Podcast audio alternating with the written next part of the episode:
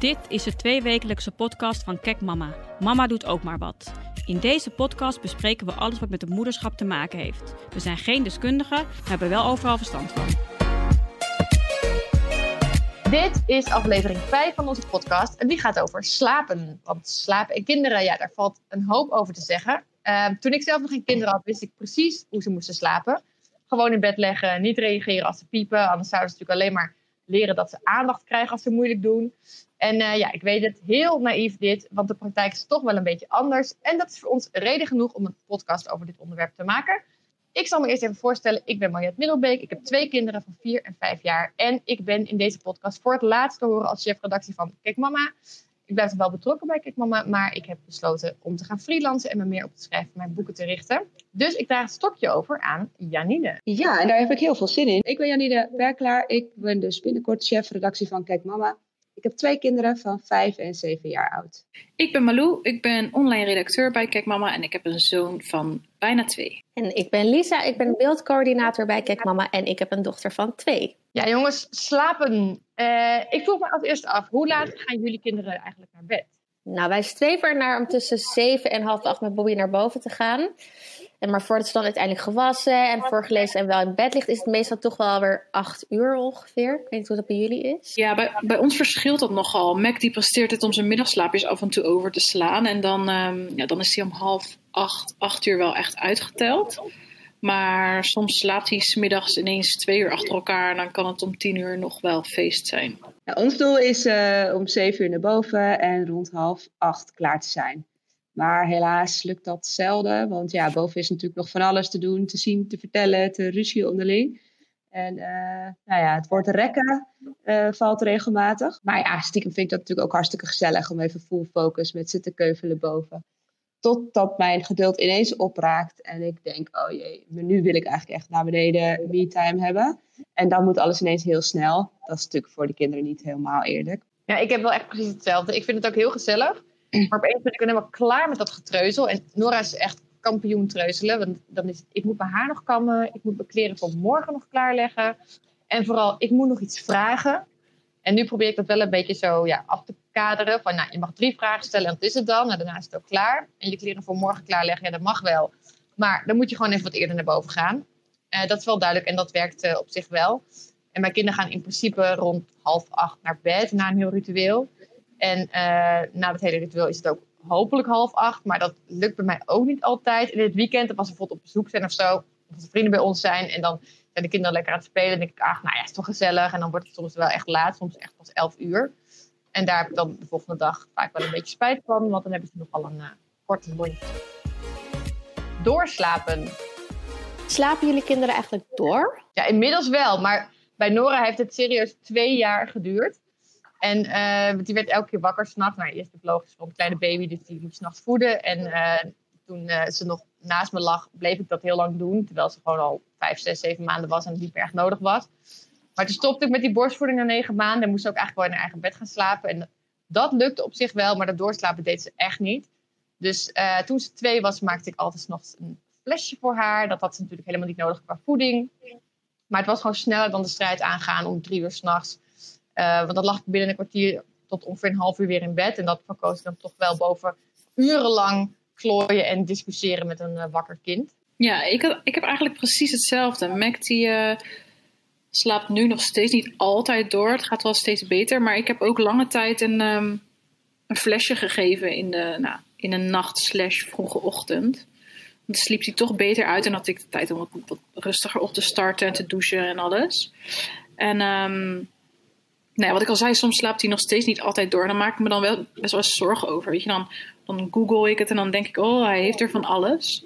Ben ik bang dat hij van alles mankeert. Maar als ik dan met jullie erover praat, met vriendinnen en die, uh, die dan hetzelfde hebben, die, uh, dan ja, het stelt me toch wel gerust. Ja, maar het werd uh, bij Nora wel echt een gewoonte. En uiteindelijk is het ook wel gelukt om van die fles af te komen. Want ik had voor een artikel wat ik schreef hulp gekregen van een hele goede slaapcoach, Susanne Willekes. Echt heel goed. Heeft ook een heel goed boek geschreven met allerlei eh, tips daarin. En van haar leer ik bijvoorbeeld dat slapen echt een vaardigheid is die je kind ook gewoon moet leren. En dat als je kind bijvoorbeeld leert slapen um, alleen maar met bepaalde spullen of bepaalde mensen om zich heen, dan is het ook heel eng als die spullen of mensen er ineens niet zijn. Of op een andere plek, uh, of als het kind op een andere plek moet slapen. En uh, dan moet je op een andere manier vertrouwen geven van, nou, je kunt echt wel slapen, dat lukt jou. En ik zei wel tegen haar, van, toen ze mij ging helpen, van ik wil Nora niet laten huilen, dat doe ik gewoon niet. Dat hoefde ook niet gelukkig. Het ging erom dat ze leerde in slaap te vallen zonder fles als ze wakker werd. En ik moet zeggen, binnen twee weken sliep ze door. Het waren wel twee hele heftige weken waarin ik s'nachts soms echt uren met haar in de weer was. Want dan was ze heel boos of heel verdrietig. En op een gegeven moment heb ik zelfs gewoon een luchtbad in haar kamer gelegd. Want ik dacht, nou ja, dan uh, kan ik tenminste misschien nog drie minuten langer slapen. Maar goed, dan moet je ook nog meer uitkijken. Want voor je het weet is dat dan dus de nieuwe gewoonte. Van mama ligt naast me. Ik dacht, nou dan gaan we van, ik krijg een fles naar mama ligt naast me. Dat lijkt me niet een hele verbetering. En, uh, maar uiteindelijk lukte het wel. Dan schoof ik elke keer een metertje verder die kamer uit. En dan weer wachten. En dan laten weten van, nou mama is er nog. En uh, nou, uiteindelijk ben je dan helemaal de kamer uit. En krijgt of kreeg elk geval Nora het vertrouwen dat ze ook zonder fles gewoon door kon slapen. En nu slaapt ze eigenlijk meestal wel door, soms nog niet. En eerst wilde ze ook elke keer water s'nachts. En nu heb ik gewoon een tuitbeker in het bed gelegd. En ook die van Casper, in het bed van Casper. En gezegd, als je dorst hebt, hier is je beker. En dat werkt best wel goed. Oh, wat een goede tip. Het eerste jaar was ik er s'nachts ook echt wel zoet mee. En dat terwijl iedereen om me heen steeds riep... Oh, slaapt ze nou nog steeds niet door? Echt gek word ik daarvan. Maar inmiddels is s'nachts eigenlijk bij ons ook alleen nog maar een kwestie van een verloren peentje of een slokje water. Dus misschien ga ik ook wel beginnen met die tuitbeker in bed. Goeie tip inderdaad. Nou, wat dat betreft heb ik echt enorme mazzel uh, met mijn kinderen. Want Elin die was meteen al echt een slaapkopje. En die werd met zes weken, uh, sliep ze al door. Uh, soms moesten we haar zelfs in de ochtend wakker maken. Omdat we dachten, oeh, gaat het wel goed? Moet, we, moet ze niet al een keer weer voor de voeding komen of zo? Bij Mats duurde het wat langer, want die had echt wel heel veel last van zijn buik de eerste maanden. Maar uh, na vier maanden sliep ook hij door. Dus ja, wat dat betreft hadden we echt wel uh, super mazzel. natuurlijk hebben we ook wel nachtelijke avonturen gehad met zoektochten naar spenen onder stoffige bedden, losgeraakte dekens, koortsnachten. Maar al met al is dat denk ik echt wel verwaarloosbaar. Trouwens, mijn man is echt uh, allergisch voor slaapgebrek. En dat is ook wel echt een van de redenen waarom we nooit aan een derde, of, ja, een van de redenen waarom we niet aan een derde zijn begonnen. Dan moet je nagaan, als Elin een slechte slaper was geweest, dan was die tweede er misschien niet eens gekomen. Slaapgebrek. Toen Nora net uh, geboren was, was Casper dus pas anderhalf. En dan vond het allemaal maar wat, zo'n baby in huis. toen sliep hij dus ook een tijd niet zo best. En nou ja, een kleine baby slaapt natuurlijk sowieso een, een dingetje. En ik was echt oprecht gelukkig als ik dan in één nacht twee uur achter elkaar sliep, dan wakker was en dan nog twee uur sliep. En nou, dat was een goede nacht. Vier uur achter elkaar was helemaal luxe. Ik had ook uit de tijd dat Casper een kleine baby was geleerd. Als je vier uur achter elkaar slaapt, nou, dan ben je echt gewoon, dat is gewoon de boom, weet je. Dat is heel goed voor je hersenen en zo. Ik dacht, nou, eh, dat is uh, helemaal goed. En er was één nacht, Nora was toen echt iets van een week oud, dat ik letterlijk maar anderhalf uur had geslapen. Ik voelde me echt verschrikkelijk. En dan moet je dan de dag zien door te komen als een natte dweil. En de nacht erop sliep ik drie uur achter elkaar, daarna nog anderhalf uur. En dat voelde als de hemel. Echt, het was gewoon alsof ik drie jaar had geslapen. Terwijl als ik nu zo nacht, dan denk ik echt, hoe dan? Ja, vreselijk. Ik weet ook nog zo goed dat voordat ik zelf moeder werd, dat ik dacht... Oké, op minder dan vijf uur slaap kan ik echt niet functioneren. Maar toen ik eenmaal moeder was, wist ik wel beter. Ik ben eens op de redactie verschenen met, nou ja, drie, vier uurtjes slaap of zo. En eigenlijk ging dat best wel prima. Maar dat mijn collega's tegen een zombie aan moesten kijken is een ander verhaal. Maar het functioneerde wel goed. Bizar toch, hoe je op, op zo weinig uh, slaap gewoon nog kunt functioneren. En toch lukt het je gewoon. Ik vind dat echt zo krachtig van je lijf dat dat zo werkt. Ja, gek is dat hè. Kijk, weet je, ik heb één kind. Dus ik kon me tijdens de kraamtijd gewoon volledig focussen op, op Mac. En uh, als hij hem overdag sliep, dan, uh, dan sliep ik wel eens met hem mee. Maar mocht er ooit een tweede komen, dan kan dat gewoon niet meer. En dan huppelt er gewoon nog een ander kind door je huis die je niet even achter kan laten. Of kan zeggen van, joh, hey, uh, doe, doe je ding. Maar goed, dat overleven we ook wel weer dan. Ja normaal. Je anderhalf uur slapen, dat is wel prima, weet je. Ik zie het aan jullie. Al die goede voornemens. Ja, ik had dus heel veel goede ideeën over de combinatie slaap en kinderen. Maar toen had ik nog geen kinderen. Uh, wat doen jullie anders dan je had bedacht? Nou, ik had niet gedacht dat Mac nog steeds bij ons in bed zou slapen. Nu al bijna twee jaar lang. We leggen hem eigenlijk zelfs niet eens meer in zijn eigen bedje neer. Want hij valt gewoon in het grote bed in slaap. En daar blijft hij dan ook gewoon de hele nacht. Hij heeft wel eens in zijn eigen bedje geslapen, maar hij sliep dan eigenlijk nooit de hele nacht door. Dus ja, ik weet is de verleiding toch wel weer groot om hem naast je te leggen. En nu is het, nu is het zo'n gewenning, vind ik het eigenlijk ook wel leuk. En zou ik het niet anders willen. Hij logeert regelmatig al bij zijn opa en oma. Ja, de laatste weken dan natuurlijk even niet. Maar uh, dan mis ik hem ook gewoon echt als hij niet naast ons ligt. Al merk ik wel dat ik dan echt extreem diep slaap. Dus of ik het optimale uit mijn slaap haal nu die eh, tussen ons in ligt, dat weet ik niet. Maar ehm, ja, hij wordt gewoon ook nog heel, heel vaak wakker s'nachts. En dan hoef ik alleen nog maar een speentje erin te doen. Het gaat gewoon wat makkelijker als hij bij ons ligt. Heel herkenbaar. We hadden eigenlijk bijna hetzelfde. Bobby sliep bijna twee jaar bij in bed. En voor ik zelf moeder werd, dacht ik ook van nou, dat gaat me nooit gebeuren. Maar dat was toch zo. Er waren wel periodes dat ze wel in haar eigen bedje lag. Maar eerlijk is eerlijk, ik denk dat ze toch meer tussen ons in heeft geslapen dan in haar eigen bed. En wij vonden het zelf eigenlijk ook nooit erg. En we wisten ook dat als ze bij ons bed lag, dat we dan allemaal goed zouden slapen. Dus we hebben dat dan natuurlijk ook zelf eigenlijk best wel lang in stand gehouden. Maar nu was ze net twee geworden, dus ik dacht, dit moet anders. Ook voor haarzelf. En ik heb er echt een week voor uitgetrokken. En wist van tevoren, dit gaat best wel pittig worden. En ik ben elke avond gewoon bij haar blijven zitten. En heb haar gerustgesteld. En met tegen haar blijven praten. Zonder haar uit haar bedje te halen. En de eerste paar avonden waren echt vreselijk. Maar ze viel wel zelfstandig in slaap. En na een week sliep ze eigenlijk voor het eerst al een hele nacht in um, haar eigen bedje het klokje rond. Dus het loonde wel. Heel fijn. Maar ik had wel een beetje empty nest syndrome, Malou, wat jij ook zegt. Dat ik dacht van, oh, nu ligt ze niet meer tussen ons in. Maar het was wel voor haar heel goed dat ze in haar eigen bedje slaapt en voor ons ook. Ja, ik had van tevoren bedacht dat ik veel consequenter zou zijn. Oh, sowieso met alles, maar ook met roepen s'avonds. Want als het hele bedritueel erop zit, dan is het in principe ja, heel gek. Maar de bedoeling dat ze gaan slapen. Uh, maar dan ben ik beneden en is het mama of papa. En dan ga ik toch weer naar boven, omdat er een deken los is geraakt. Of Nora dus nog een hele belangrijke vraag heeft. Uh, die ze dan nog moet verzinnen trouwens. Uh, of ze zijn ineens heel bang geworden voor iets niet bestaans. En ik weet ook wel van, nou, ik doe dit ook zelf. Want als ik niet naar boven ga, blijven ze roepen. En uiteindelijk wordt het huilen. Uh, omdat ik het toch altijd toegeef. Maar de laatste probeer ik wel ja, een soort beloning in het vooruitzicht te stellen. Als we zonder roepen gaan slapen. Ik heb een soort kalendertje gemaakt. Slapen zonder piepen. En dan krijg ze elke keer een stickertje en zo. Maar dat, dat duurde te lang. Uh, dus nu is het gewoon, als je vandaag lief gaat slapen, heb je morgen alvast heb je morgen meteen een beloning. En dan krijgen ze bijvoorbeeld, uh, zeg ik bijvoorbeeld, nou, uh, je krijgt morgen een koekje of iets lekkers of zo. En het werkt wel goed. En de regel is gewoon niet roepen, behalve als je ziek bent of bloed hebt. En het grappige is dat ze de volgende ochtend vaak vergeten dat ze iets lekkers zouden krijgen. Dat gaat ook niet echt om dat. Het gaat gewoon om dat ze iets kunnen bereiken. En ja, dat ze de gewoonte ontwikkelen om meteen te gaan slapen. Terwijl het nu echt een gewoonte was geworden om 10.000 keer te roepen. Ja, wat jij zegt over die bedrituelen, dat vind ik wel iets heel herkenbaars. En had ik ook niet gedacht dat ik daar zo uitgebreid in mee zou gaan. Het sluit er echt in dat ze steeds langer worden. Want als je bij de ene een grapje maakt, dan wil de ander dat ook. En de volgende dag moet dat natuurlijk weer herhaald. En zo zitten we nu per kind aan drie liedjes die verschillend zijn.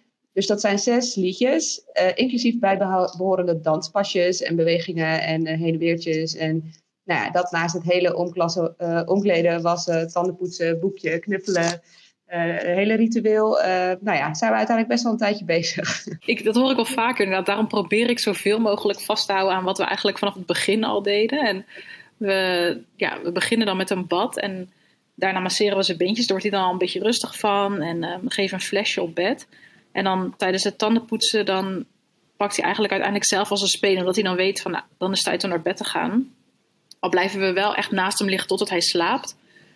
Want hij moet per se hand in hand in slaap vallen, want anders wordt het echt drama. Dat is waarschijnlijk ook gewoon echt een gewoonte geworden. Maar kijk, eerst dachten we van, is, is dit wel goed en moeten we dit, um, moeten we dit anders gaan doen? Maar aan de andere kant vinden mijn vriend en ik het ook wel eventjes een lekker moment. Gewoon na een drukke werkdag of uh, niet bij hem te zijn geweest, gewoon toch eventjes tijd samen. Ja, ik kan me voorstellen, het is ook wel heel lief. Wij hebben eigenlijk uh, qua ritueel doen wij het niet heel anders. Bobby gaat ook eerst in bad en dan spelen we ook lekker in en dan gaan we lekker voorlezen. En daar nemen we wel echt de tijd voor, voor het voorlezen. Dat vindt ze heel fijn en dat vind ik zelf ook heel leuk om te doen. Dus daar gaat wel eventjes wat tijd in zitten. Ja, wij eigenlijk hetzelfde. Bad en insmeren, tanden poetsen. En dan mogen ze allebei één boek uitkiezen om te lezen. Uh, en dan lezen we in Caspers bed. En dan gaat Nora naar haar eigen bed. En dan mag ze dus die drie vragen stellen. Wat ik tegenwoordig zeg van uh, dat is het dan. Uh, en niet uh, nog wat twintig andere vragen bedenken. En dan moet ik bij allebei de kinderen elke dag hetzelfde zeggen. Dus dat gaat dan over hoeveel ik van ze hou, bladibla. En ik merk ook als ik niet hetzelfde zeg, dan zijn ze ook een beetje uit hun doen. Dan vinden ze het echt een beetje moeilijk. En, maar wat wel lekker is, ondertussen zorgt mijn man altijd dat het beneden allemaal wordt gerecht en opgeruimd. En dan als ik klaar ben, dan gaat hij de kinderen wel te rust zeggen. En doet hij een spelletje waarbij hij iemand nadoet. En dan moet zij raden wie het is. Nou, ik vind het dan echt hilarisch. En, uh, en daarna gaan ze slapen. Laten huilen. Hebben jullie je kinderen vaak laten huilen? Nee, ik heb ze nooit laten huilen. En ik doe het nog niet, omdat ik het gewoon niet aan kan. Ik vind het zo zielig. Nog een keer mijn hoofd de hele tijd, slechte moeder, slechte moeder. En uh, ja, weet je, ook toen ze nog baby waren, denk ik van je bent nog zo klein en dan lig je daar maar en je huilt niet voor niks. En nog steeds als ze s'nachts huilen, ga ik er eigenlijk altijd wel heen. En soms eindigt het ermee dat ik dan een paar uur naast Casper ligt te slapen, maar gelukkig gaat dat wel, want hij heeft wel een uh, redelijk groot bed. Ik heb ook wel eens naast Nora gelegen, maar dan word je wakker, werd ik wakker met een soort uh, hernia en de bevroren voeten, want zij heeft een peuterbed. Ja, ik heb Mac eigenlijk ook nooit laten huilen. Op één keer na, toen waren we echt een eindraad en dachten we, nou, misschien helpt het, je weet het nooit. En we hielden onszelf voor om het, uh, vol om het acht minuten vol te houden. Maar ik denk dat we hooguit de vier minuten aantikten en toen weer, toen weer naar, naar zijn kamertje gingen. Want, nou ja, naar onze kamer dan. Want hij was zo van spreken dat hij bijna moest overgeven door het huilen. En toen dachten we, nee, dit is echt niks voor ons, dit willen we zo niet. En uh, uiteindelijk bleek het ook niet, uh, niet nodig, want nu gaat het gewoon goed. Ik laat mijn kinderen ook niet huilen s'nachts. En trouwens, ik word eigenlijk altijd als eerste wakker. Jullie ook? Ja, ik ook. En ik ga ook altijd eruit, want ik ben degene die het makkelijkst weer gaat slapen. Precies. En ik denk ook altijd, ben ik nou serieus echt de enige die het zo snel hoort? Of word je er daadwerkelijk niet wakker van? Maar laten huilen doen wij ook echt nooit. Ik sta altijd binnen no time naast het bedje. Ja, dat is dan weer een voordeel dat Mac tussen ons in ligt. Dan duw ik het speentje erin en klaar. Al ben ik altijd wel degene die het speentje erin doet. Nou, tegenwoordig slaap ik met oordopjes, omdat ik eerst echt bij elk piepje, kraakje, zuchtje meteen aanstond. En nu ben ik daar zo aan gewend, kan echt niet meer zonder. Als ik ze indoe, dan kom ik in mijn eigen wereld en dan ben ik echt zo vertrokken. Maar zelfs dan, met die oordoppen, ben ik eigenlijk de eerste die hoort wanneer er iets los is. En uh, ook nog, als de kinderen uit bed komen, staan ze stevast aan mijn kant van het bed. Uh, maar goed, misschien helpt het ook niet echt dat ik het dichtst bij de deur lig. En Ellie wil dan meestal even knuffelen met me en uh, het liefst samen in slaap vallen. Maar daar ben ik echt helemaal geen held in. Want het draaien en het woelen en die kriebelende haartjes. Nou, dan wacht ik een paar minuutjes tot ik denk, nou, nu kan ze wel weer terug naar haar bed. Maar bij mijn man, als ze daar, uh, bij Erik, als ze daar gaat liggen, dan uh, pakt hij er vast en dan slaapt ze samen rustig verder. Dat vindt hij heerlijk, maar ik kan het dus echt niet. Ik ook niet. Ik word de hele tijd ook geschopt onder de deken. En vooral Nora vindt het ook heel geinig om te gaan kietelen of dansen. Of dan gaat ze een een dakraam open doen of zo. En over het algemeen gaat ze dan ook gewoon niet slapen. En als ze dan eenmaal slapen, dan is het echt overdwars. En doorgaans tegen de tijd dat mijn wekker al bijna gaat. En ik merk ook als ik één keer toegeef hieraan. Uh, dan staan ze de vijf nachten daarna staan ze weer naast mijn bed. Op vakantie heb ik dat bijvoorbeeld gedaan.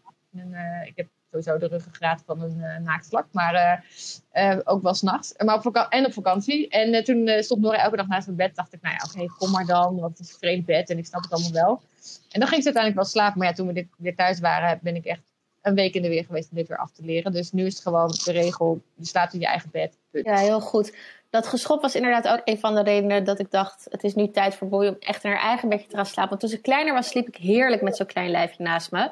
Maar nu word ik midden in de nacht wakker met een voet in mijn gezicht... of ik krijg een por in mijn rug. En zij ligt als een zeester midden in ons bed. En ik lig ergens met mijn hoofd op een nachtkastje zo ongeveer. Dus ik dacht, oké, okay, misschien is het tijd om um, in te grijpen. Ja, is ook zo hoor zeg, kijk, we hebben een groot bed en dat scheelt wel. Maar ik krijg regelmatig een zo'n puntig enkeltje in mijn gezicht. En op zulke momenten denk ik wel, ja, sliep je maar in je eigen bed. Maar al maakt hij het dan wel weer goed als, ik, als hij 's ochtends over mijn arm, arm kriebelt van... joe, uh, word je even wakker. Uitslapen. Ja, uitslapen en kinderen is echt een combinatie waar ik van uh, droom. Uh, hoe laat worden jullie kinderen wakker? Nou, nu gaat het bij ons wel goed. Meestal tussen een uur of zeven of half acht. Maar er was een periode dat Elin rond 6 uur wakker werd. En eigenlijk vind ik alles voor 7 uur echt geen tijd. Dus we probeerden echt van alles om haar langer in bed te houden. Uh, we hadden toen tijdelijk zo'n zo'n schaaplampje die dan aangeeft wanneer het tijd is om de kamer uit te mogen. Maar dat ding was zo'n draak om in te snellen. We snapten er echt geen hout van. Gelukkig kan ze nu klok kijken. Dus als het nog eens een keer voor 7 uur is, dan weet ze dat ze bij ons nog nieuw aan hoeft te kloppen. Oh, dat scheelt inderdaad. Wij hebben nog niet zo'n lampje. Maar dat lijkt me op zich wel een uitkomst. Bij Bobby is het zo dat hoe moeilijk ze het vindt om s'avonds te gaan slapen, zo moeilijk vindt ze het ochtends gelukkig om wakker te worden. Dus ze wordt eigenlijk nooit voor dag en dauw wakker. Meestal nog een uurtje of acht. Nee, Mac wordt ook niet vroeg wakker. Afkloppen. Met een beetje geluk ligt hij zelfs om negen uur nog te slapen. En als hij om acht uur wakker wordt, dan denk ik, jeetje, wat vroeg. ik merk dan wel dat ik veel, veel meer aan mijn dag heb als hij dan wakker wordt hoor. Want Hoewel ik mezelf altijd voorneem om eerder dan hem op te staan, dan gebeurt dat 9 van de 10 keer niet. En voor je het weet, als hij dan om 9 uur nog ligt te slapen, dan uh, is het half tien voordat je je bed uitkomt. Ja, bij ons wordt het ook niet echt mega vroeg wakker. Rond 7 uur, half 8 zoiets. Toen ze kleiner waren, werden ze wel vaak vroeger wakker. En we hebben voor Casper ook altijd zo'n lamp gehad. Dat was een pingwin. Die uh, wist ik dan wel te bedienen op zich. En die brandde rood uh, in de nacht. En die werd dan om 7 uur werd hij groen. En dan wist Casper dat hij, dat hij uit bed mocht. Dat werkte wel goed. En ik vind eh, wel als je kind wakker wordt en dan zie je op je eigen wekkerradio zo 5,30 uur. Nou, dat vind ik echt de hel. Dan vind ik mezelf echt zo zielig. Maar gelukkig gebeurt dat nu niet heel vaak. En nu weten ze, als ze wakker zijn, mogen ze hun iPad pakken. Het ging laatst wel een keertje mis, want toen had Casper besloten dat de dag om twee uur s'nachts was begonnen. En bleek hij de rest van de nacht dus uh, filmpjes te hebben gekeken. Uh, dat was een beetje een uh, minder goed geslaagd opvoedmomentje. Maar doorgaans gaat het wel goed. En dan pakken ze in het weekend een iPad als ze bijvoorbeeld om kwart over zeven wakker zijn. En dan kijken ze naar een uurtje. Nou, dat vind ik wel acceptabel. En dat vind ik ook echt heel relaxed. Soms gaan ze daarna naar beneden, gaan ze daar zelf spelen. Of ontbijt maken, moet ik daarna wel het sap van de keukenkastjes schrobben. Maar goed, dat maakt niet uit. En ons record is wel dat we tot half negen hebben geslapen. Dat is één keer gebeurd en dat was echt de hemel. Oh, zo fijn. Nou, met dit positieve eind sluiten we het podcast af. Bedankt voor het luisteren. Over twee weken is er weer een nieuwe podcast.